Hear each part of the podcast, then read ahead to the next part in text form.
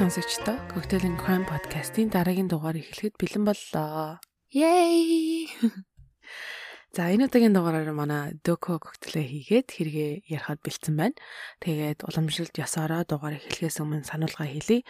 Манай подкаст нь басан гимт хэргийн тухай детальчилж ярьдаг хүчир зүрх судасны өвчтөй эсвэл нас нь хүрээгүй эсвэл жирэмсэн ихчүүдийг бити сонсороо гэж зөвлөдөг байгаа шүү.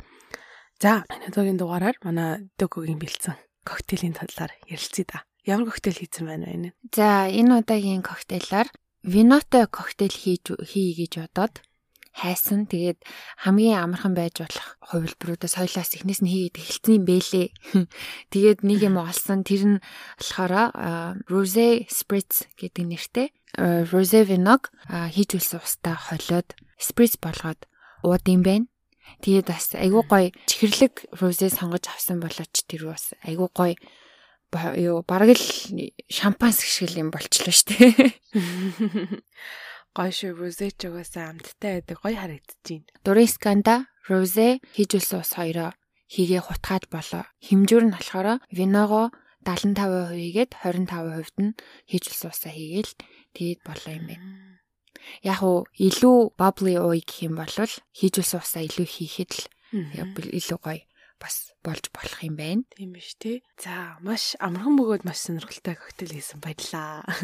Одоо тэгээд дугаарынхаа гол хэрэгт оръё доо тий. За тий. За энэ удаагийн дугаараар ойрд нилээн их одоо хүмүүсийн ярианы сэдв болоод байгаа хэргийг сонгож авлаа нэг тийм одоо айхтар урдны бид хоёрын ярьдаг байсан шиг алдартай ч юм уу тийм юм бол биш. Яагаад хүмүүсийн ярианы сэдв болоод байгаа гэхлээр нөгөө Squid Game гэж цуврал кино гарсан штэ саяхан Netflix дээр тавигдсан. Тэр кинонд тоглосон жүжигчний том хүүдэн тохиолдсон явдал юм байна. Тэгээд магадгүй нөгөө кино маш олон хүнд хүрч яг одоогоор айгүй тийм popular байгаа болохоор ч тэр юм уу энэ хэрэг ганц солонгостой төдийгүй Америкт ч гэсэн TikTok-оор шууган тарьж байгаа юм байна. Энэ хэргийг болохоор би нэг үзэх дуртай YouTube-ийн сувгаасаа олж сонссон. Crazy TV гэдэг нэг сувг дээр ярьсан байгаа. Тэгээ тэр охин өөрөө солонгос гаралтай охин учраас айгуу сайн мэдээлэл цуглуулж чадсан юм шиг санагдаад ер нь бол тэр охины ярьснаар ярьж өгье. Сонсогчд маань бол энэ яриад байгаа киног бараг бүгдээрээ үзсэн бах те Squid Game гээд одоо сая энэ оны 9 сарын 17-нд нээлттэй хийсэн маш алдартай одоо телевизийн цуврал кино байгаа. Тэгээ Netflix-ээр болохоор хамгийн их хүн үзсэн цуврал болоод одоогоор рекорд тогтоогод байгаа штэ. Хэрвээ үзсэн хүмүүс нь санджаах юм бол шилний үйлдвэрт ажилдаг гээд шилний даацыг гэрэл ойлгож хараад мэдээд нэг нэлийн хол явуулдаг ах вэ штэ нэг тоглоом дээр тэр дүрд тоглосон жүжигчин болох Ли Сан Хи гэдэг жүжигчний хүүтэн тохиолдсон явдлаа. Жүжигчин Лигийн том хүү болох Жинсү 2010 онд гадаадад сурахаар Америкийн нэгдсэн улсын Калифорни мужид Лос Анжелес хотын ахлах сургуульд сурж эхэлсэн. Тэгээ миний ойлгосноор болохоор нөгөө оюутан солилцооны хөтөлбөр гэдэг чинь тэр шиг тим хөтөлбөрөөр сурагч солилцоогоор явсан юм шиг байна. Америкт ирээд Америк айлд хост фамилитай амьдардаг байсан юм билээ. Тэгсэн чинь нэг өдөр жинсүүгээ ээж өглөө болгон залбирал хийд юм байна л та. Тэгээ залбирлаа үлдчихсэн чинь гинт нэг хий юм харсан гинэ. Тэр нь болохоор хүү жинсүүгээ харсан байдаг. Тэгээд хар харахтаа бүр ингээд жинсүү өрөөнд нь орж ирснээ өөдөөс нь ингээ алхаж ийсэн амнаас нь гинт ингээ цус гоожоод тэгснээ ээжээ би таныг санаад байна би таньда хайртай шүү гэж хэлсэн гэж аахгүй. Тэгэд өмнө нь ерөөсөө тэгэж янз бүрийн хий юм энэ төр харж байгаагүй болохоор ч тэр юм уу эсвэл одоо нөгөө их хүний зүн савин гэж яддаг штэ. Тэгээд тэр зүн савингоор ч юм уу тэр дороо жинсүүгийн хост family руу залгасан. Тэгсэн чинь тухайн үед Лос Анжелес болохоор өдрийн цаг болж исэн учраас хүүн аль үжээ хичээлдээ явцсан байсан. Тэгээ хост фамилигаас нь бүр гуйсан гэж аахгүй? Сургууль руу залгаад бүх юм зүгээр хэсгийг ингээд асуугаад өгдөхөө би ингээд амар сэтгэл түгшээд байна гэд. Сургууль руу залгаа асуусан чинь жинсүү биеийн тамирын хичээлд орчихсон. Гадаа байцгааж ийн гэдэг. Тэгээд удаагүй ээжсэн чинь бараг хэдхэн минутын дараа ээжх нь уцсан дуурайд тэг авсан чинь таны хүү чинь ухаангүй эмнэлэгт хүрэгдэж байна гэж хэл хүрэгдэг.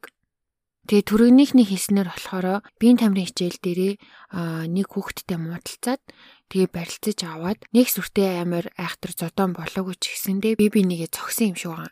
түргэн ирэхэд болохоор хүү аль хэдийн ухаан алдсан байдалтай зүрхэн зогссон байсан. Ээж нь хэлэхдээ болохоор над руу хил дуулгасан хүн манай хүүгээс хамаагүй том биетэй Америк хөл бөмбөгийн багт байдаг. Одоо шар арстан тим хүүхэдтэй муудалцсан гэж хэлсэн гэдэг. Жинсэн эмнэлэгт авчгаад тархины бор гадаргын ажиллагаанд зогссон ухаангүй болсон байсан. Тэгэд мэдээж энэ явдлыг сонсоод жүжигчин Ли эхнэрийнхээ хамт байж болох хамгийн хурднаараа хүү дээрээ нисч очисон. Тэр нь 2 өдрийн дараа очисон байт юм бэлээ. Очисон чинь хүүн угаасаа ухаангүй амьсгалын системийн тусламжтайгаар л ингээд амьтаага байж исэн. Тэгээ нөгөө амьсгалын систем болохоор амар үнэтэй. Тэрнээс гадна жинсүү ухаан орох магадлал бараг байгаагүй гэж аахгүй. Тийм болохоор ер нь одоо энэ амьсгалын системийн зогсоох уу үгүй юу гэж биш. Харин хизээ зогсоох вэ гэсэн тийм яриа явагдчихсэн. Тим шийдвэр гаргах хэрэгтэй болсон байсан. Тэгээд энэ шийдвэрийн тухай одоо бүгдээрээ хуралдсан шүү дээ. Тэгээд э, хуралдахад ерөнхий эмчнээс нь гадна донорын эмчнэр бас байсан гинэ. Хүүгийнхээ эд эрхтнүүдийг хандивлах уу үгүй юу гэдэг бас нэг шийдвэр гаргах хэрэгтэй болсон гэсэн нэг донорын биеэр 8 хүний амийг аврах боломжтой байдаг гинэ доройж. Тэгээд тэрийг сонсчоод за ерөөсөө хүүгийнхаа өмнөөс хэцүү удаа ингээд сайн үйл хийя гэж шийдээд зөвшөөрцгөөсөн байсан. За тэгээд э, зөвшөөрөөд за зүг болцсон байжсэн чинь ээж дээр нэг совлогч ирээд бусад хүмүүсээс зайдуу аминчхан хэлсэн гинэ. Хүн донор болно гэдг нь яг яадгийг та яг сайн ойлгосон уу? Тэгээ эн чинь нөгөө дөнгөж солонгосоос ирсэн шоконд орсон хил усч сайн нэвтрэлцэхгүй юм баа штэ. Ээж ав хоёр нь болохоор хүүгээ мэдээж нутг руугаа аваачаад хөдөөлүүлэх тийм төлөвлөгөөтэй байсан. Тэгээ тэрийг ойлгосон юм шиг байгаа тэр совилогч нь. Тэгээ тайлбарлаж өгөхдөө болохоор толгой болон өснээс нь босод түнхнээс нь эхлээд яс бүр одоо судсын нүртэл ашиглах болохоор солонгос руу хүүхдийнхээ цогцыг бол авж явж нутаглуулна гэж ер нь байхгүй штэ гэж хэлсэн гинэ. Тэгээ тэрийг мэдсэн аав ээж хоёр нь ерөөсөө боллоо гэд бодлоо өөрчлөлөө гэсэн чинь нөгөө хүмүүс нь бас тийм ч амархан болиулчихгүй байсан гэсэн амар ятгаад тэгснээ бүр сүулдэ амар ширүүн харцаад эхэлсэн. Тэгээ ээж нь бүр тэр хүмүүсээс айгаад аргаа ороод хүүгийнхээ байсан өрөөг цоожилдог болсон гэсэн. Хэрвээ хүүгийнхээ биеийг донор болгосон бол задлан шинжилгээ хийж одоо үхлийн яг гол шалтгааныг тогтоох боломжгүй байсан бэлээ. Аз болж тэр сувлагчийн ачаар донор болоогүй учраас жинсүү задлан шинжилгээ хийсэн. Тэгээ шүүх эмнэлгийн дүгнэлтээр болохоор гадны нөлөөтэйгөр хүчтэй цохилтоос болж нас барсан байна гэдэг нь тогтоогдсон болохоор аль бие ёсоор хүн амны хэрэг болж бүртгэгдсэн. За тэгээд анх нөгөө ээж нь хэлжсэн штэ. Надад хэл одоо тэр уцаар ярьж исэн хүн хэлэхдээ хөл бөмбөг тоглодог том биетэй шар залуутай зодтолцсон гэж хэлсэн байсан боловч яг үнэндээ жинсүүтэй адилхан солонгосоос ирсэн бас солилцооны оюутан хүүхэд байсан гэсэн.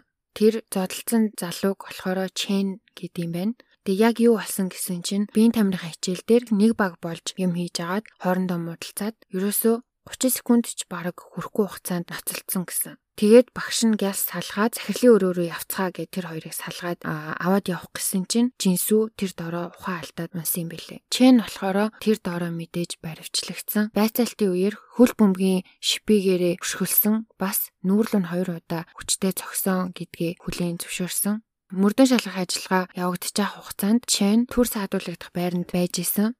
Тэгээ мэдээж хүн амны хэрэг гэж албан ёсоор шалгагдчихсэн болохоор мөрдөнгийн ажил удаан явагдчихсэн учраас жүжигчин Ли эхнэрийн хамт нутаг бутсан юм байна лээ. Тэгэд одоо нөгөө хэрэг нь хаа байсан Америкт өөртөө бас Америкийн хууль цаазыг сайн мэдэхгүй болохоор өмгөөлөгч хөлсөлсөн дээр юм байна гэж үзээд өмгөөлөгч хайж эхэлсэн. Тэгээд нэг өмгөөлөгч олсон. Тэр нь бол одоо чухмал мундаг өмгөөлөгч гээл бас нилээ хэдэн хүн хилээл өөрөө ч гэсэн айгу өөртөө ихтэй. Тэр хүн нь өөрөө бүр солонгос энэ хоёр дээр иерэ очиж хүртэл уулзж ирсэн удаатай. Тийм 40 жилийн туршлагатай солонгос хүн байсан нэг хэсэг овоо идэвхтэй байгаад холбоос үлбэтэй байж ийснаа гинт хариуч өгөө болоод бүр ингээ таг алга болсон гэж аахгүй юу? Тэр өмгөөлөгч нь тэгээ баг хэрэг болсноос жилийн дараа сураг сонссон чинь нөгөө чен нь болохоор аль хэдийнэ баривчлагдаад ерөөсөө дөрөвхөн сарын дараа хэрэг нь хэрэгсэхгүй болоод гарч ирээд бүр солонгостой эргээд очичихсан байсныг мэддэг одоо харамсалтай нь энэ бүхний талаар одоо шүүх хурал нь боснын жишлигийн гэр бүл мдээгүй энэ хүн суллагдсан хэрэг нь хэрэгсэхгүй болсныг ч юусоо мдээгүй байсан юм бэлээ. Найзуудынх нь яриагаар бол Чен, Жинсүү хоёр хэмж сүрхийн найзууд биш ч гэсэндээ бас нэг тэгж муудалцаад байдаггүй тиймэрхүү харилцаатай байсан гэж байгаа. Тэгэд ер нь бол ямар ялахгүй юм дээр жоохон хасчих гад байдаг байсан юм билээ хоёр бинлүүгээ. Хэрэг яагаад хэрэгсэхгүй болсон бэ гэхлээр Америкт анхны цохилтыг юм уу эсвэл одоо анхны үйлдэлийг хэн хийсэн гэдэг тэр хүнийх нь ер нь буруу болж таардаг штэ. Тэр хүнийх нь буруу гэж явдаг. А тэр утгаараа Чен болон тэр хавьд байсан гэрчүүдийн мэдээлснээр анхны цохилтыг жинсүү хийсэн бөгөөд Чен бие хамгаалах гэж хариу үйлдэл үзүүлсэн болохоос биш одоо түүний амь насанд санаатаагаар хүрээгүй гэж үзсэн учраас хэргийг хэрэгсэхгүй болгосон байлээ. Тэгэд энэ явдлаас хэдэн жилийн дараа Солонгост баг бүрдүүлээд ийм баримтат кино хийхээр сурвалжлах хийж эхэлсэн. Тэгээд Америкт одоо хэрэг дээр нь ажиллаж исэн цагдаа нараас ярилцлага авах гэсэн чинь тухайн хэрэгтэй холбоотой хамаг бичиг баримт, хамаг материалыг нь хэрэг хаагдсан гэж үзээд устгасан байсан гэсэн. Бас нэг санаатай ч юм уу, санаандгүй ч юм уу алдаа гаргасан байсныг кино багийнхан олж илрүүлсэн.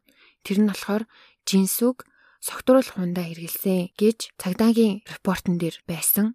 Цагдаагийн репортон дээр болохоор жинсүүгийн биенээс алкогольны хэмжээ нь 0.10 байсан буюу одоо согтуу байсан гэж бичсэн байсан бол шүүх эмнэлгийн репорт дээр болохоор 0.1-ээс бага байсан буюу одоо огт цогтууруулах мандаа хэрэглээгүй гэж бичсэн байсан гинэ. Тэгэхээр одоо эмнэлгийн дүгнэлтийг хуулж ахта цагдаа нар алдаа гаргаж бичээд тэгээ тэр нь бас сайн шалгагдахгүй өнгөрөөд жинсүг нөгөө согтуу байсан болохоор эхний цохилтыг хийсэн гэдэг нь үнэн байх магадлалыг өсгөөд хэрэгт буруугаар нөлөөлсөн байж болцшгүй гэж ярьж исэн. Бас нэг юм нь болохоор Чен ийм амархан хүн амны хэрэгээс мултарсан нэг юм нь нөгөө алга болдог хуульчтай холбож ярьж илээ. Ченыг суллагдсны чинь одоо нөгөө лигийн гэр бүлийнхэн чинь бараг жилийн дараа олж мэдсэн штэ. Хэрвээ тэдний гэр бүл яг тухайн үед нь мэдээд тэр гэр бүлийнхнийг бас төлөөлөх өмгөөлөгч хуульч байсан бол мэдээж давж заалтаад ч юм уу те өшөө цааш нь дэлгэрүүлж шалгаад магадгүй энэ цагдаа нарын гаргасан алдааг засаад хэнийг жинсүг одоо ив ирүүл байсан гэдгийг нотлоод хэрэг бас өөрөөр шийдэгдэх байсан байх магадлалтай. Тэгээ тэр хуульчин амир сонин заяо таг байхгүй байж байж ийснэ гинт имэйл бичсэн гэж байгаа юм. Тэгээ имэйл бичихтэй би одоо хуулаараа ер нь ажиллахаа болчихсон гэсэн утгатай баг одоо над руу дахиж битээ холбогдорой гэсэн утгатай имэйлээсэн гэсэн. Юу амар сони. За тэгээд 3 жилийн дараа одоо энэ Америкийн систем бол бүтгүн байна гэд Солонгостой учрыг олно гэд жинсүүгийн цогцыг ахиж шинжилэхээр болсон. Тэгээ одоо харамсалтай нь чинь газар доор хитрхи удаан 3 4 жил болцсон байсан учраас одоо хоёр дахь задлангаар шин тим хэрэгтэй мэдээлэл бараг олж чадаагүй. А нэг шин мэдээлэл олсон нь болохоор Ли болон эхнэр нь анх хүүгийнхээ цогцыг одоо байж болох хамгийн багаар хүндхийг гуйсан болохоор эхний тэр Америкт хийсэн шүүх эмнэлгийн шинжилгээ нь зөвхөн толгоонд нь хийсэн байсан гинэ. А харин энэ удаа Солонгосын эмчнэр Жинсүгийн аминд хүрсэн гол шалтгаан нь гизрүүгээ маш хүчтэй зохиулснаас болоод зүрхэн зогсоод тархи руугаа цус шахахаа болсон учраас тархи нь үхсэн гэж үтсэн ба. Тэгээ лигийн гэр бүл эцэст нь Чэнийг Солонгосын шүүхэд өгсөн боловч нотлох байрамд хангалтгүй гэж үзээд Чэнийг буруугүй гэж дахин шийдвэр гарсан. А тэгсэн хэдий тэдний гэр бүл бууж өгөөгүй давж заалтсан байна давд заалтахаар ер нь иймэрхүү хэрэг дээр хожих магадлал маш бага байд юм байна л да. Тэгсэн чинь аз олж тэр шүүхээр буюу одоо 2019 онд Чэнийг хүний амь нас эрсдэгэд нөлөө үзүүлсэн гэж үзээд 3 жилийн хойрох ял өгсөн. Тэгээд Чэн одоо ялаа идэлж байгаа юм лээ. Тэг тэр нөгөө жүжигчний саяхан өгсөн ярилцлаганаас нь болоод ер нь бол энэ хэрэг ахиж хөөгдөд хүмүүсийн дунд ярианы сэдв болоод байгаа юм байна л да. Тэг тэр нэвтрүүлэгтээ өөрөө хэлэхдээ Squid Game кино маань маш амжилттай явж байгаад бол баяртай байгаа. Гэхдээ би одоо хүүгээ өдрө болгон боддгоо гэд өөрийнхөө хүүт тохиолдсон явдлыг иргэн сануулж байгаа юм шиг ингээд дахиж сөхөд хилээд тэгээд тэр бас болсон процессыг хальт ярьсан нь энэ хэргийг сөхөхөд нөлөөлсөн юм шиг байлээ. Солонгосын сошиал медиагаар бол хүмүүс яг хоёр хуваагдсан байдаг гэж хэлсэн. Нэг хэсэг нь болохоор энэ хоёр чинь те хоёр талаас хоёлаа зодон хийсэн штэ. Тэгээд золгүй явдал болоод одоо нэг нь ингээм насны эрсдсэн болохоос биш бас одоо нөгөө талын яриад байгаа шиг ийм амар алуурчин биш учраас энэ хүүхдийг одоо битгий ингэж шийтгээч гэж яхад нөгөө тал нь болохоор Чэний гэр бүлийнхэн бас зүгээргүй гэр бүлийн хүн юм шиг байна. Тэр өмгөөлөгчийг алга болоход айгүй бол мөнгө өгж аргалсан гэх мэт одоо юм хоёр эсрэг байр суртаа байдаг гэсэн. Тэг яг бас эргэлзээтэй юм л да. Яг жинхнээсээ яг хин зодооныг эхлүүлсэн мэддэхгүй. Хичнээн тэр одоо гэрчүүд гээд байгаа хажууд нь байсан хүүхдүүд хор жинсүг эхэлж цогсон гэж чиний талд орж хэлсэн ч гэсэн тэднээс нь бас нөгөө нэг баримтат киноны багийнхан ярилцлага авахд бас яг үнэндээ бол бас ягч хараагүй яг хин эхлэнийг бас ягч хараагүй гэж мэдээллийг өөрчилсөн байсан. Тэгэхээр одоо яг хин зодооны эхлүүлсэн нь бол ойлгомжгүй нэг юм золгүй явдал ч юм шиг юм хэрэг болсон байлээ. Тэгээд яг хуу энийхээ амир одоо чифт хоёрын урдны ярддаг амир амир тийм хэрэгүүдийг бодвол энэ хамаагүй хөнгөн сонсогдсон байж магадгүй а гэхдээ бас сануулга болгоё гэж утсан л доо. Ингээд хичнээн зүгээр ингээд хоорондоо тоглооморч байж инхнээсээч бай нацалтаад зодтолтлоо гэхэд нэгнийхээ аминд хүрэх ийм амархан байдаг ахын урд урдны хэрэг дээр одоо амар амар утгалуулж чад ч юм уу амар амар буудуулж чад ч гэсэн амьд үлдсэн хүмүүс байдаг байхад одоо ингээд гисрүүгээ ганц тэрүүлээд нас орсон ийм тохиолдолч бас байна. Тэгэхээр одоо зодоон зохионоос ч гэсэн холуур байсан нь дээр байх нь штэ. Бас нь тараад бас юу ч олоо илээ. Ингээ хоёрын хоёр хүний амьдрал оронгороо эргэх боломжтой штэ ганц цохилтоор. Тийм шүү дээ. Энд чинь тэгээд хэрэгтэн хохирогч хоёрч биш бас ар гэр бүлийнх нь хувьд бол маш их өөрчлөлт гарна. Бас бодол сууж илаа. Хүний хийсэн тэнийхэн одоо энэ жижигхэн сонголт те өөрт нь бас өрөөлт ямар амар их нөлөө үзүүлж чадхыг одоо харуулсан хэрэг гэж бодоо сууж илаа. Амар харамсалтай санагдж байна. Тэгээд одоо өмгөөлөгчийн алга болдог бас амар сонин санагдлаа үнэхээр тийм хариуцлагагүй хүн байсан уу эсвэл үнэхээр нөгөө гэр бүлээс тий мөнгө аваад алга болсон уу гэдг нь бас үнэхээр сонирхолтой санагдаж байна. Гэтэ нэрээ яг бодож илээ яг сая чиний хэлсэн шиг бит хоёрын урд нь ярьж исэн хэрэгүүд дандаа ер нь бол хүнд төрлийн хэрэгүүд байдаг. Тэгсэн хэдиж хүмүүс яг ингээд амьд гарцсан ч юм уу зүг зүгээр явж исэн хэрнээ одоо ийм хэн жижигхэн а одоо хэрэг штэ ер нь бол өмнө нь ярьж исэн тэр цоврал алуурчтай алуурчтай одоо харьцуулахад бол тий ийм хэн жижигхэн зүйлээс болоод бас маш их хэмжээний хохирол нөлөө одоо гарч ирж байна. Ер нь бол манай залуучууд эрэгтэй эмэгтэй бүгдээрээ бодож явхад бол одоо сэрэмжилж явхад илүүдгүй зүйл шүү. Одоо тухайн үед уур хүрсэн ч гэсэндээ одоо нэг цохоод авдаг ч юм уу те. Тиймэрхүү юм аа одоо ер нь артлынх нь нөлөөг бас бодож байгаарэ. Зүгээр уурлаад нэг ганц усаад авсан чинь хүний амьд хурчуд яах юм бэ? Үстэй. Нөгөө үн тэгсэндээ өөрийгөө хамгаалж ингээд чамааг зөгчдөг. Тэгсэн чинь чиний аминд хүрчүүл яах юм. Ер нь ямар нэгэн асуудлыг юм уур уцаартай биш. Одоо зодооны дэнтэй биш тий. Ер нь бол тайван насан турсан а одоо төлөвсөн хүмүүс шиг айтайхан шийдэж байвал бас зүгээр юм да. Бас нөгөө чайны гэр бүл мөнгөтэй ээж магадгүй гэдэг яриан дээр бас юм болж исэн юм бэлээ. Тэр нөгөө жүжигчэн ли их нэртэйгээ мэдээ сонсчоод шууд Америк руу нисээд эмнэлэг рүү орох гэж байхад нь телевизийн сурвалжлагч нар эмнэлгийн хангадаа хүлээж исэн гэсэн. Яаж ч мэдсэн хүмүүсийн яриагаар бол энэ чайны гэр бүлийнхэн нь одоо сурвалжлагч нарт эднийх хүүхдийнхээ биеийг хандивлан гэсэн гэж худлаа тип өгсөн байх магадaltaй гэсэн. Яг тэгэхээр тэр сурвалжлагч нар очисон чинь өөдөөсөн шүү. Та хоёр хүүхдийнхээ биеийг донет хийх чаа гэсэн үнэн үү гэд тэгцгээсэн байжсэн. Тэгээд тэр хоёр чинь донет хийх үгүйгээ чийдэггүй эмнэлэг дээр орж хүүхдийнхээ бараг хараагүй байхад одоо хин тим яриа гаргаад ийм хүмүүсийг дуудчихва гэсэн чинь хүмүүсийн таамаглалаар бол чайны гэрийнхэн үгийнхаа аюуг баллах гад одоо нөгөө задлан шинжгээ хийлэхгүйгээд тим яриа гаргасан гэсэн тийм бас цуу яриа байдгийн билээ. Тэгэхээр бас мөнгөтэй айлын хүүхэд байх магадлалтай. Тэгээд бас нөгөө ээж нь хүүгээ тэгж амар тод томруунаар харсан гэхээр бас бодож исэн энэ их хүний нөгөө нэг инстинктаас бас амар аа шүү тий. Тийм шүү дээ. Үнэхээр харамсалтай сайхан одоо өсвөр насны энэ хүүхэд амаа ингээ алдчихдаг бас.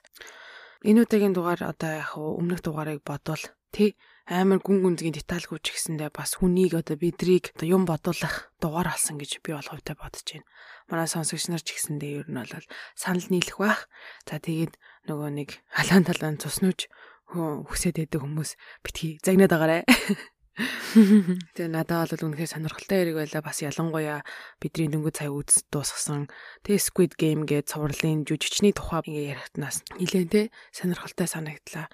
Энэ дугаарыг бэлдсэн дөгөөдөө Thank you. Баярлаа. Үнэхээр бас бид нарт нэгийг бодогдуулсан дугаар боллоо гэж би хувьдаа бодож байна. Тэгээд мэдээж аа хэрэгтэй холбоотой зураг хөрөг мэдээллийг манай сошиал медиа хуудас Facebook, Instagram-аас харж болно. Бас энэ хэргийн тухай сэтгэлээ манайхан YouTube комент хэсэг дээр үлдээгээрэй. За тэгээд дугаарыг дуустал нь сонссон хүмүүс чи хэн байдаг вэ дөөхөө? MVP. Yeah. MVP.